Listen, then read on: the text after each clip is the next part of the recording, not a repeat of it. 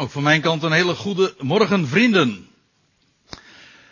En ik wil u vanmorgen graag eens meenemen naar de psalm die we zojuist met elkaar hebben gelezen. En dat is niet zo'n hele lange psalm. Het, zijn maar tien versen bij, in totaal.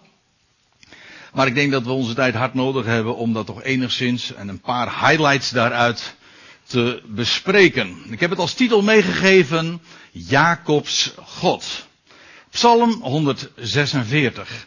Deze psalm maakt deel uit van het vijfde boek der psalmen. Dat is iets wat nog wel eens een keer vergeten wordt, maar dat het boek der psalmen feitelijk vijf boeken zijn. Je moet weten, bij psalm 1 begint het eerste boek, dat lijkt nogal logisch. Dan, u ziet het trouwens ook, als u een beetje een fatsoenlijke bijbelvertaling hebt, dan staat het er ook boven, boven psalm 1, het eerste boek der psalmen. En dan bij psalm 42 staat er het tweede boek der psalmen. En boven psalm 73 staat het derde boek der psalmen. Boven psalm 90, de bekende psalm van Mozes, het vierde boek der psalmen. En dan in psalm 107 tot en met de laatste psalm, uiteraard psalm 150, is dan het vijfde boek der psalmen. Waarbij het opmerkelijk is dat die vijf boeken weer corresponderen met de, wat dan heet, de Pentatuig. Dat wil zeggen de vijf, de vijf boeken, de Torah. De boeken van Mozes. Het eerste boek correspondeert met het boek Genesis, qua inhoud. Het tweede boek met Exodus, het derde boek met Leviticus, het vierde boek met het boek Numeri en het vijfde boek met Deuteronomium. En dat betekent dat daar dus een hele opmerkelijke, goddelijke structuur ook in de opbouw van die boeken gelegen is. Dat betekent trouwens nog iets, en dat is toch wel opmerkelijk om daar eens eventjes aandacht aan te geven, namelijk dat het niet waar is wat u altijd te horen krijgt of wat je leest in encyclopedieën of wat je op godsdienstles meekrijgt, namelijk dat de Bijbel 66 boeken bevat. Ik heb er altijd al moeite mee gehad, niet alleen maar omdat het zo sist, maar ook omdat het op een of andere manier niet correspondeert met de hele bijbelse typologie en met de hele bijbelse symboliek, of hoe je dat ook maar noemen wil. Dat eigenlijk zou je op voorhand al moeten weten, daar klopt iets niet aan. Je hoeft er nog maar een 6 aan vast te plakken en dan weet je het helemaal zeker. 6 is een veelvoud, 66 een veelvoud van 6. Maar het is ook niet zo, want als het waar is wat ik zojuist zei, en u kunt het zelf controleren in uw eigen Bijbeltje, dat het boek der psalmen niet één psalm is, of pardon, niet één boek is, maar een, een, een verzameling van boeken, van vijf boeken, dat betekent dus dat er vier boeken bij komen. Met andere woorden, de Bijbel telt 70 boeken en dat klopt nou weer net wel. Het is een veelvoud van zeven. De, het goddelijke getal van volheid en volmaaktheid. En dat plaatje daaronder, ja, dat is nog weer een verhaal apart. Ik wil er alleen maar eventjes op wijzen.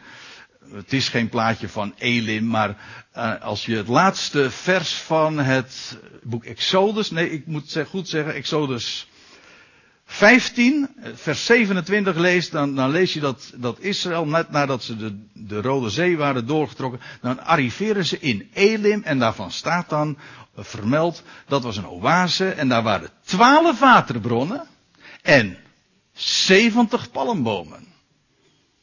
Nou, dan mag u nog eens over nadenken, waar, wat dat nou toch te betekenen heeft. Heeft dat iets met Israël te maken en met het woord voor de, deze wereld? 70 volkeren, 70 boeken. Afijn. Uh, een veelheid van gedachten. Je zou haast zeggen. 70 gedachten stapelen zich zo met gemak. Uh, op wanneer je over deze dingen nadenkt. Maar hier wil ik in elk geval toch even op gewezen hebben. Psalm 146 maakt deel uit van het vijfde boek der psalmen.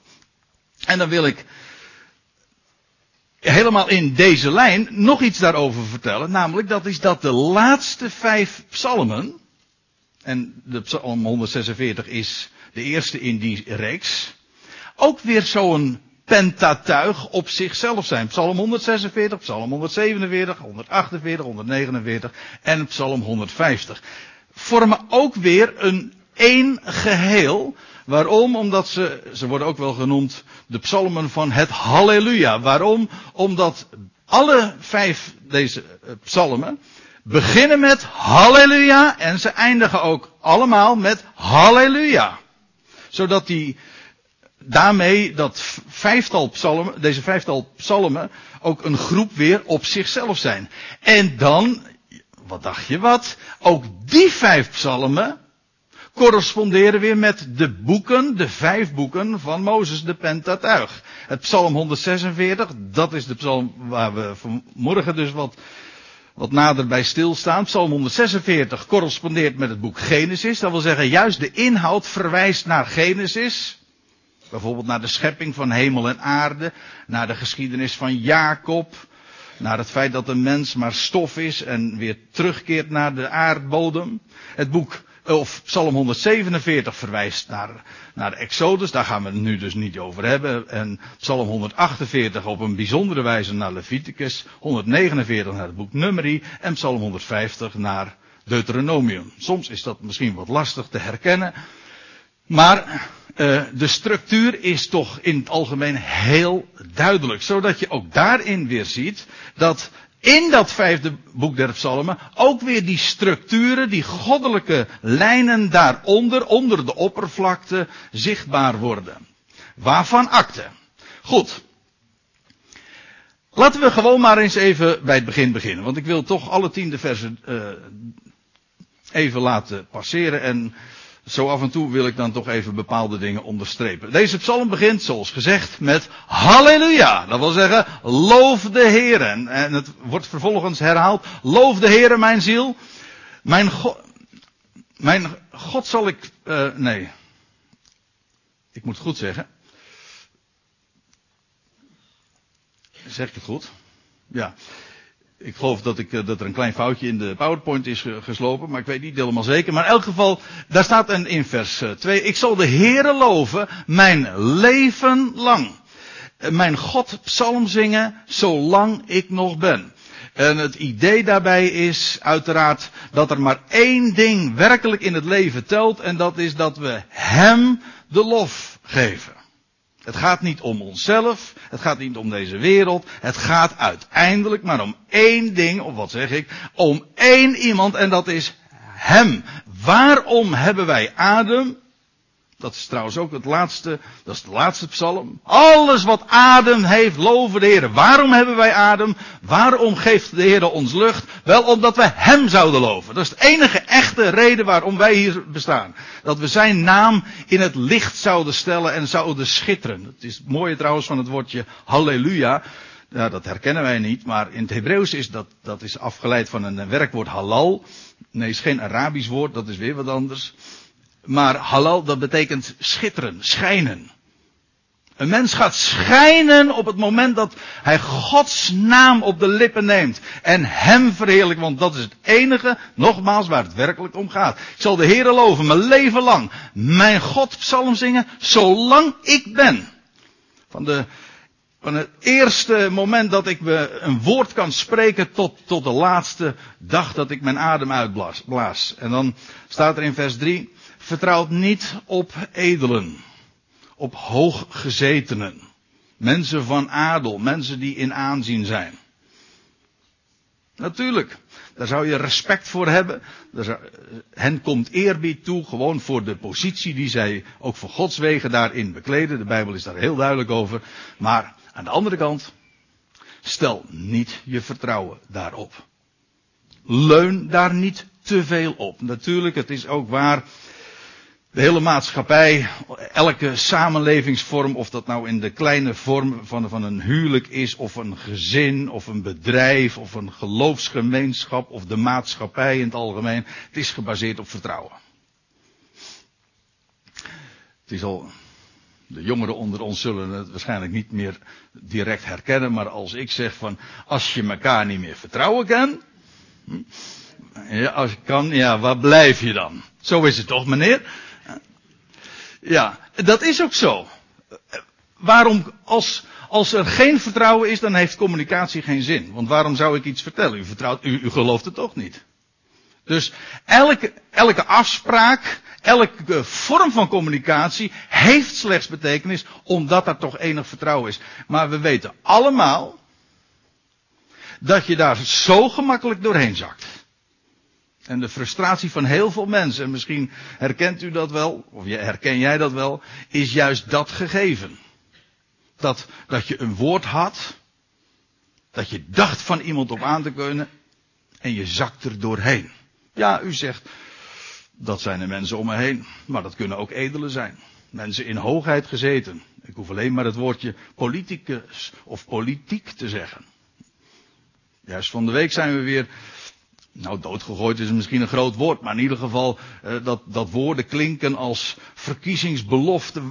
We weten allemaal, daar kun je niet van op aan. Dat wat uh, mensen, wat edelen zeggen, en dat zeg ik zonder enig verwijt, maar gewoon als vaststelling. Ja, daar kun je, mensen worden uh, ja, voor de, voor de verkiezingen worden ons allerlei dingen voorgehouden. Van dat gaan we doen, dat gaan we doen. En hier staan wij voor. Ja, en na de verkiezingsdag blijkt dat dan toch allemaal wat anders te zijn. En, en dan kun je dat weer goed praten van ja, dan moeten nu eenmaal compromissen gesloten worden. Ja, maar dat geeft nu dus precies aan wat ik, waar het hier ook over gaat.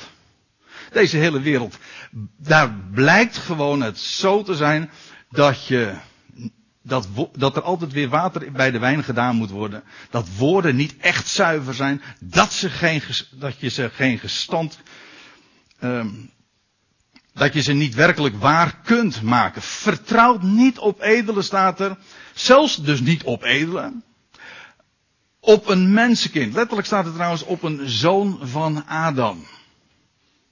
Het woordje of het begrip de mensenzoon of de zoon des mensen is hier ook nog direct aan verwant. Vertrouwt niet op een mensenzoon. Bij wie geen heil is. Een zoon van Adam, eigenlijk is dat ook een, een status. Hè? Iemand die, die Adam was immers het beheer over deze wereld gegeven. Nou, zijn erfgenamen, daar moet je ook al niet de, je vertrouwen opstellen. Daar kun je ook niet op leunen. Als het er echt op aankomt, dan blijkt dat ook geen houvast te bieden. Dat is, de, dat is de simpele waarheid die we hier in Psalm 146 vinden. En elders in de psalmen komen we het ook weer tegen. En eigenlijk is het iets wat we talloze keren in de Bijbel op een of andere manier weer lezen. Een, een zoon van Adam bij wie geen heil is is trouwens opmerkelijk, ik heb het woordje ook even onderstreemd, dat woord heil, dat letterlijk staat er bij wie geen redding is. Ik heb ook nog weer verwezen naar Jezus. Waarom? Wel, het woord wat hier staat in het Hebreeuws, dat is teshua. En dat is, je hoort het wellicht ook, direct verwant aan het Hebreeuwse woord, voor, of de Hebreeuwse achtergrond van de naam Jezus. Yeshua. Het is vrijwel hetzelfde. Het duidt op redding. Jezus, Yeshua, of Jehoshua, de Heere is redder, of de, bij de Heere is redding. Wel, bij een zoon, een zoon van Adam is geen redding. Behalve dan die ene zoon, de zoon van Adam, de zoon van des mensen, die juist bij wie wel redding is. Waarom? Wel, al was het maar omdat hij van Gods wegen die naam ook heeft gekregen. Let wel, van Gods wegen. Het komt van bovenaf. Het is niet van een mens, maar God heeft hem tot redder gemaakt. Het gaat hier maar niet zomaar. Als het in het algemeen gezegd wordt, dan kun je inderdaad beweren, bij een mensenkind, bij een zoon van Adam, is geen redding te vinden. Dat is waar. Maar wij kennen iemand die van Gods wegen tot redder is gesteld. Daarop kunnen we, juist omdat God gesproken heeft, God hem ook verwekt heeft, letterlijk en figuurlijk. Ja, ik bedoel ooit bij Maria, maar ook uit de doden. Op hem kunnen we vertrouwen, op hem kunnen we steunen. Nou ja, laten we het nog eventjes de, de draad weer oppakken over, die, over een mensenkind in het algemeen. Ook al is het een edele, ook al is het een erfgenaam van Adam in het algemeen, kunnen we daar niet op steunen. Want staat er dan vervolgens in vers 4, gaat zijn adem uit. En dat is nu eenmaal de weg, zoals de Bijbel dat noemt, van alle vlees. We krijgen adem. En T, ZT, blazen we die adem ook weer uit. En dan staat er, en dan keert hij weder tot de aarde. Dat is trouwens ook het boek Genesis. Hij is uit de aarde genomen, uit moeder aarde. Dat is trouwens opmerkelijk in het Hebreeuws. Adam is Adam. Ja, het woord voor mens is Adam. Het woord voor aarde is Adama.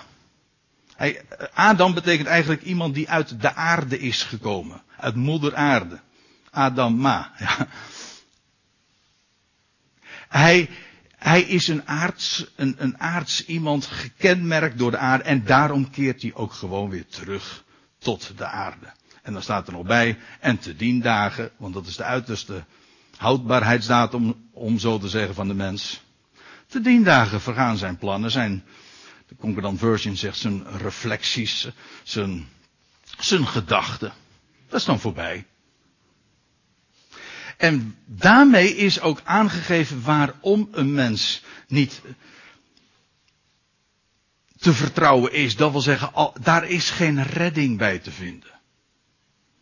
Waarom niet? Wel, een mens is gewoon een sterveling. Zoals wij hier zitten, wij zijn allemaal stervelingen. Daar is geen redding bij te vinden. We zijn namelijk zelf allemaal stuk voor stuk afhankelijk van iemand die ons redt. Die onvergankelijk is. Zelf zijn we allemaal gewoon voorbijgangers. En we kunnen heel veel moeite doen. In de auto hier naartoe hadden we het er nog over dat zoveel mensen daar hun hele leven mee toppen en dan worden ze wat ouder. En dan bereiken ze de leeftijd van 50, want dat was de context van het gesprek. En dan gaan ze, krijgen ze zoveel moeite met het feit dat ze ouder worden. Dan zien ze toch inderdaad dat de krachten afnemen en de, aantrekkelijkheid. Nou ja, er zijn uitzonderingen natuurlijk, maar. Hè? Drink even een slokje, eh, als je niet even.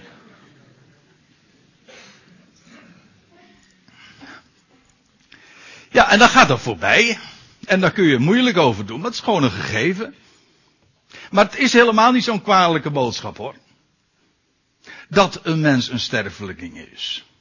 Want het betekent dat we onze ogen zouden richten naar boven. En van hem hebben we te verwachten. Voor zover wij wat zijn, dan is dat omdat hij wat van ons leven maakt. En hij heeft inderdaad een plan met elk mensenkind. Ja, maar ik lees eventjes verder. Psalm 3, eh, vers, vers 5, sorry. Welzalig hij. Nou, dat klinkt heel erg mooi, maar de meeste mensen begrijpen dat woord denk ik niet zo heel erg goed. Want welzalig, ja, wanneer gebruiken we dat nou?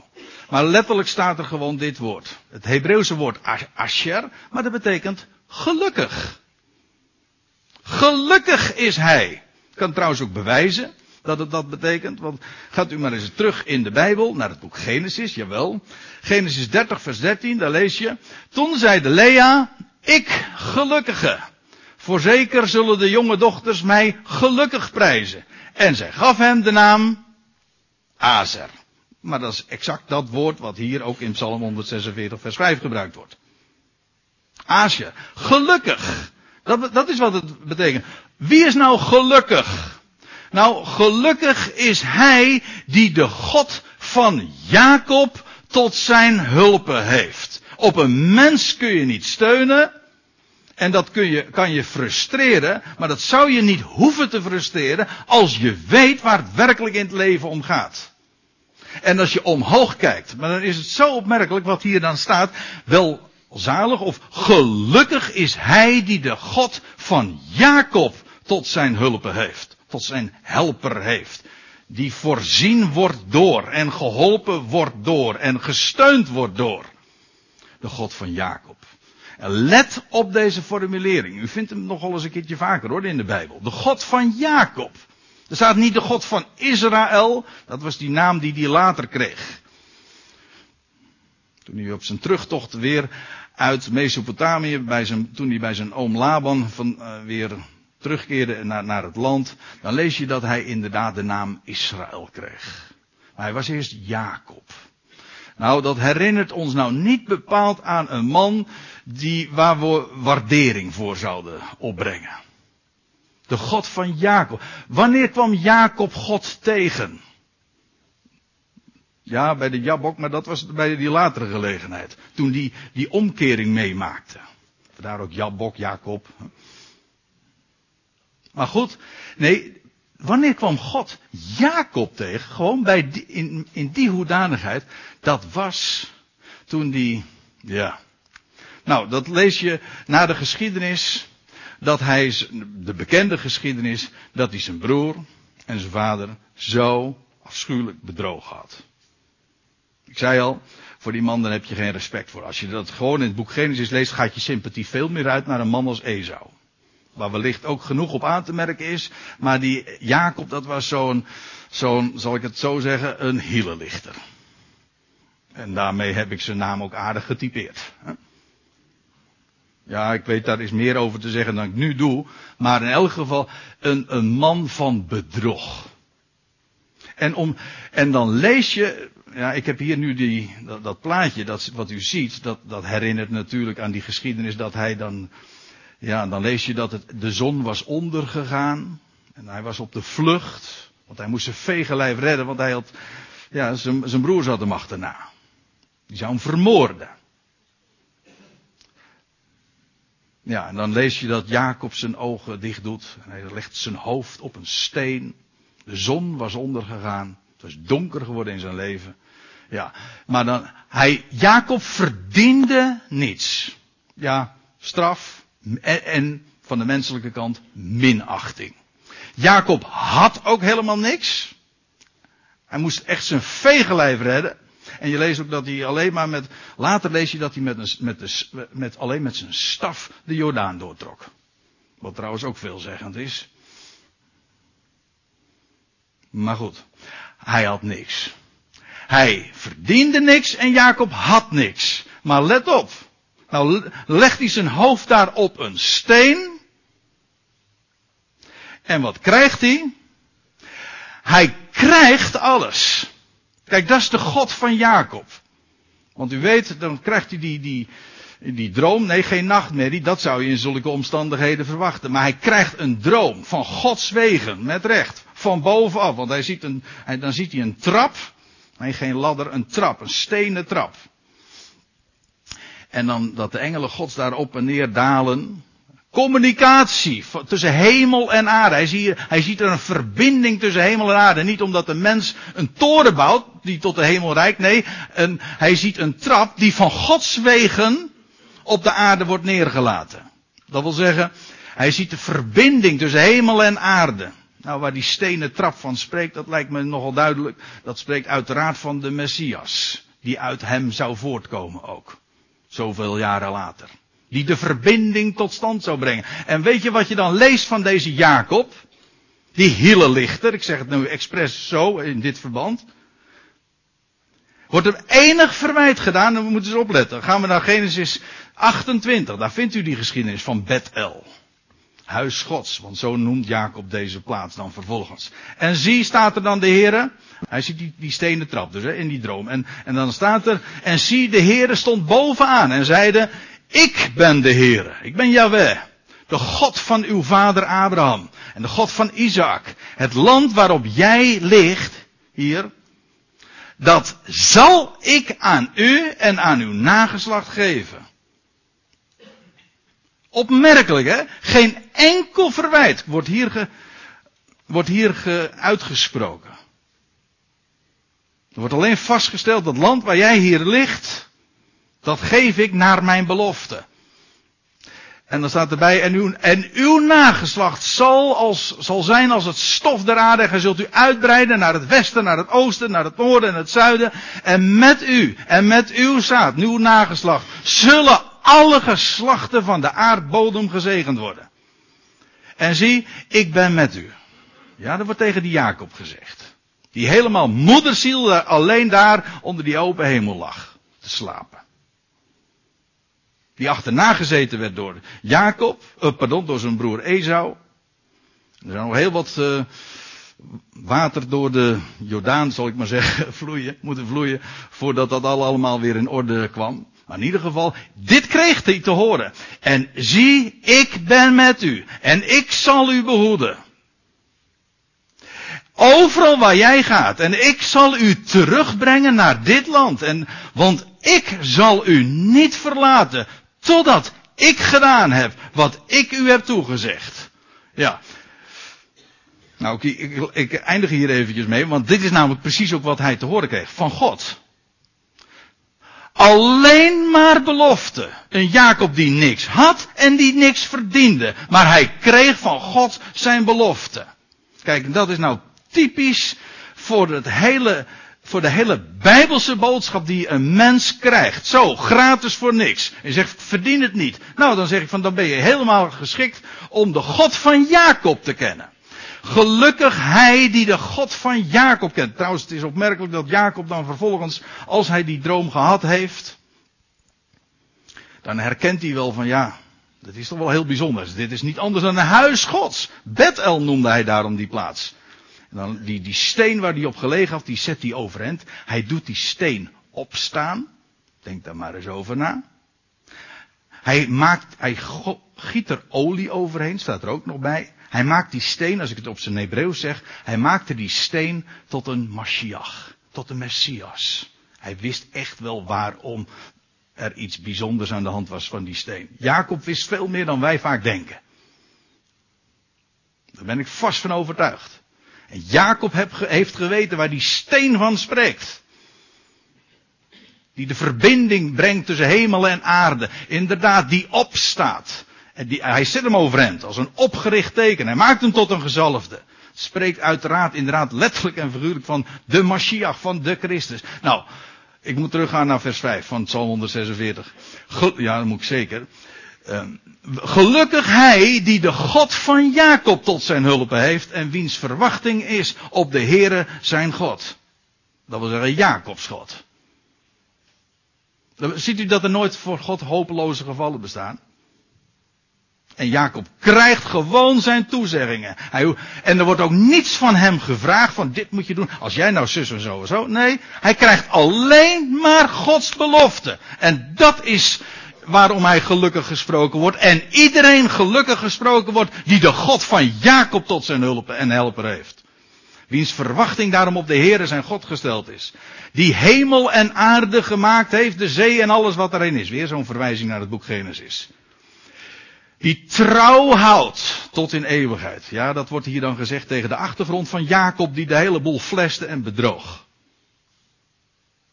Maar God zij dank kennen wij iemand die waar maakt wat hij spreekt. Wat bij, in de mensenwereld zo sporadisch te vinden is en waar je ook bepaald niet op af moet gaan, op mensenwoord. Nee, ook niet, niet van mij. ik bedoel me helemaal hier niet te verheffen. Ik sta hier wel op een podium, maar het zegt helemaal niks. Ik bedoel dit te zeggen, je kan maar van één woord werkelijk op aan. En dat is de God die trouw houdt. Dat wil zeggen, letterlijk staat er, die zijn, die de waarheid bewaart. Bij wie de waarheid safe is. Die doet namelijk wat hij zegt. Die trouw houdt tot in eeuwigheid. Letterlijk staat er, dat woordje eeuwigheid is leolam. Dat heeft te maken met een werkwoord verbergen. Het, het woord eeuwigheid in het Hebreeuws heeft te maken met een tijd, met een verborgen einde. Je ziet de grens niet. Je ziet de horizon niet. Onafzienbaar, dat is het. Dat, dat is de gedachte van dat woord in het Hebreeuws. En dan staat er nog bij, en dan vinden we een hele uitgebreide beschrijving, mag ik wel zeggen, want we vinden een hele aantal dingen die, waarin God dan getypeerd wordt. Dan staat er, in de eerste plaats wordt er vermeld, hij is de schepper van hemel en aarde, de zee en alles wat erin is, en dan die de verdrukte recht verschaft. Die de hongerige brood geeft. En natuurlijk kun je dat geestelijk opvatten, het is ook waar, en dan, is en dan betreft het echt universele waarheden. Heb je honger? Wel, hij geeft jou brood. En hij maakt de gevangenen los. Ben je gebonden? Er is er, e- dan moet je het niet hebben van mensen hoor. Nee, dan moet je het hebben van hem die de gevangenen inderdaad bevrijdt. Losmaakt. En die de blinde ziende maakt. Ook dat is natuurlijk geestelijk absoluut waar. Vandaag, hè, als, je bent gelukkig te prijzen als je God van Jacob kent. Maar als, je, als de Heer je ogen heeft geopend. Ik bedoel dat gewoon ook zoals ik het nu zeg. De ogen van je hart geopend heeft voor wie Hij is. En voor de rijkdom van zijn woord. Dat is geen, dat is geen verdienste. Als je mag zien, dat is toch geen verdienste. Ik haal altijd graag dat woord uit, aan uit het eh, boek Spreuken. Daar staat, daar staat namelijk dit. Het oog dat ziet, het oor dat hoort, Beide heeft de Heere gemaakt. Ik bedoel, toch geen, geen vriend zegt van nou, ik kan kijken. Ja, en dat betekent dat je gezicht hebt gekregen. Maar dat is geestelijk net zo goed waar. Als je dingen mag verstaan en dingen mag zien, nou prijs God. En, doe, en verbeeld je nou niet dat jij voor Jezus hebt gekozen. Weet je, van dat soort terminologie die heel dikwijls hoort onder christenen. Ik geloof daar geen bas van, echt niet. Hij is het namelijk die je ogen daarvoor opent. En als hij het niet doet, nou dan ben je slecht gestuurd. Afijn, de Heer maakt de blinde ziende. Hij richt de gebogenen op. Als je belast bent, wel dan neemt hij die last van je af. Hij geeft je rust. Nog geen mens je kan geven in een onrustige wereld, waar zoveel instabiel is en crisis. Nou ja, u, ik hoef u toch niks te vertellen. Wel, hij richt de gebogenen op. En ik weet wel, ik krijg wel eens een keer het verwijt als ik daar gewoon altijd naar boven wijs. Zeg van ja, dat is allemaal maar makkelijk. Ik zeg nou, dat is heel, hoezo? Wat dacht je nou? Dacht je nou werkelijk dat je het te verwachten hebt van een mens om je heen? Dat, dat stelt teleur. Hij stelt niet teleur. Hij kan namelijk oneindig veel meer dan wij bidden of beseffen. Daarom zou een mens omhoog kijken. Waar anders? Het mooie daarvan is dat als je omhoog kijkt, krijg je eindelijk ook reden om vooruit te kijken. Vooruitzicht, bedoel ik.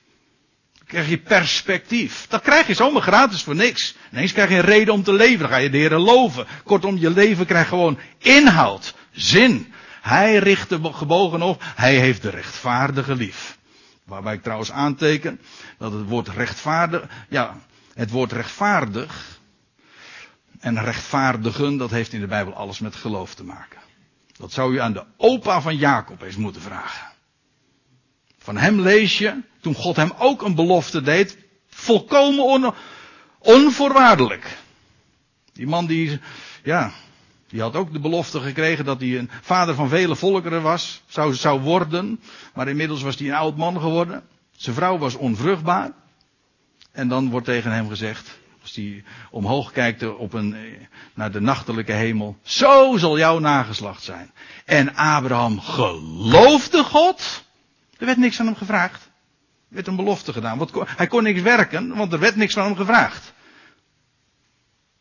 Hij kreeg een belofte. En wat kun je met de belofte doen anders dan alleen maar zeggen, ja, als u het zegt, dan zal het wel zo zijn. Amen. En dat is wat Abraham deed. En er staat erbij in Genesis 15 vers 6. En het wordt nogal eens een keer aangehaald. En Abraham geloofde God en het werd hem tot gerechtigheid gerekend. Dat wil zeggen, voor God was hij een rechtvaardige. Waarom? Omdat hij bouwde op zijn woord, op zijn belofte. Niet omdat zo'n vrome man was. En in ieder geval kun je dat van Jacob niet zeggen. En daarom ben ik zo blij dat de God van Jacob tot mijn hulp heb. Want dan zeggen we, nou, daar kan ik nog wel, daar kan ik me, in dat gezelschap durf ik me nog wel te voegen. Ziet u? De Heer heeft de rechtvaardige lief. Dat wil zeggen degene die hij rechtvaardig rekent, die hem gewoon op zijn woord nemen. De Heer behoedt de vreemdelingen en de wezen en de weduwe houdt hij staande, maar de weg van de goddeloze maakt hij krom. En dan zou je de vraag kunnen stellen van, ja, waar gaat dit nou eigenlijk over? Gewoon heel letterlijk ook. Natuurlijk kun je de toepassing zo direct naar ons maken. Nou, ik geloof dat het tiende vers het antwoord geeft. Dat al deze dingen die hier gezegd worden, over de, de vreemdelingen uh, die hij staande, of die hij behoedt, en de wees en de weduwe die hij staande houdt, en de weg van de goddeloze die hij krom maakt, doet hij dat nu? Nee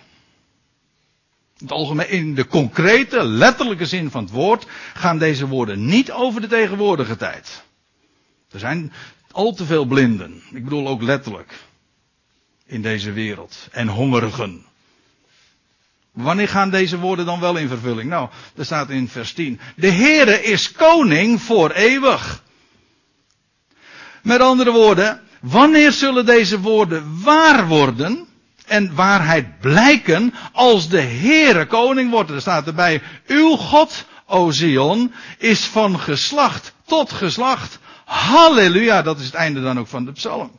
Met andere woorden, deze psalm En deze woorden die hier gesproken worden over, over dat de Heer de hongerigen zal voeden. En dat hij de blinden de ogen zal openen. En dat hij het zal opnemen voor wees en weduwe. Dat wordt niet in deze tijd gerealiseerd. Ja, u zegt, politici beloven dat toch? Ja, dat zeg ik.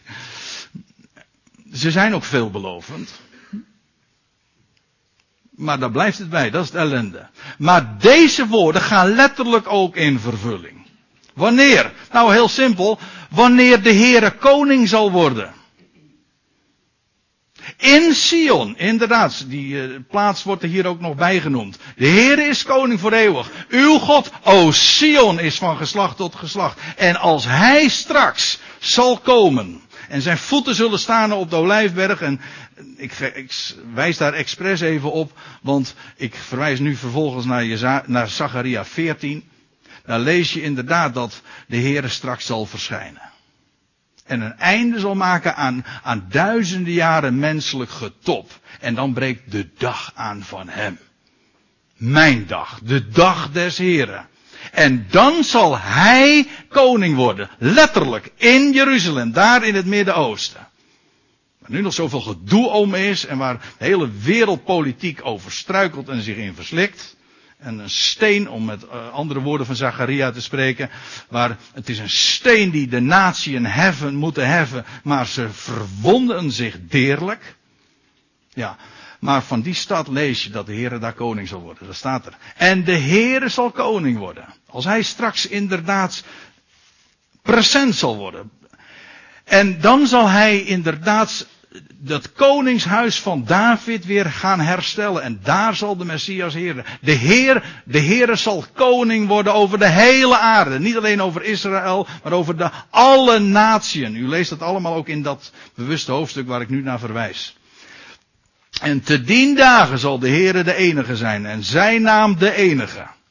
Daarom die woorden die in, in Psalm 146 staan. Die vinden hun vervulling. Wanneer de Heere koning zal, zal worden over deze hele aarde. En dan zal dat ook heel concreet, allemaal stuk voor stuk waarheid zijn. En ondertussen, zover is het nog niet, duurt niet zo lang meer dat die dag gaat aanbreken, maar het neemt niet weg. Wij zingen en dat bedoel ik letterlijk. Wij zingen gewoon het lied van Jacobs God. Zalig hij die in dit leven Jacobs God ter hulpe heeft. Wij zingen het op de vrolijke manier. Hè? Er zijn twee versies in omloop. Eentje in mineur en eentje in majeur. Wij, ik geef de voorkeur aan de majeur. Ja. Zalig hij die in dit leven Jacobs God ter hulpe heeft. Hij die door de nood gedreven zich tot hem om troost begeeft. Ik heb hem vroeger al op school al moeten leren. We zongen hem in de kerk al zo vaak.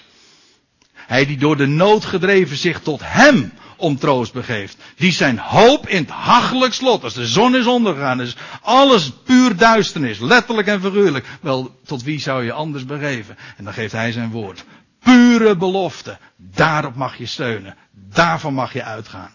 Gelukkig hij die in dit leven. Zullen we dat lied zingen met elkaar?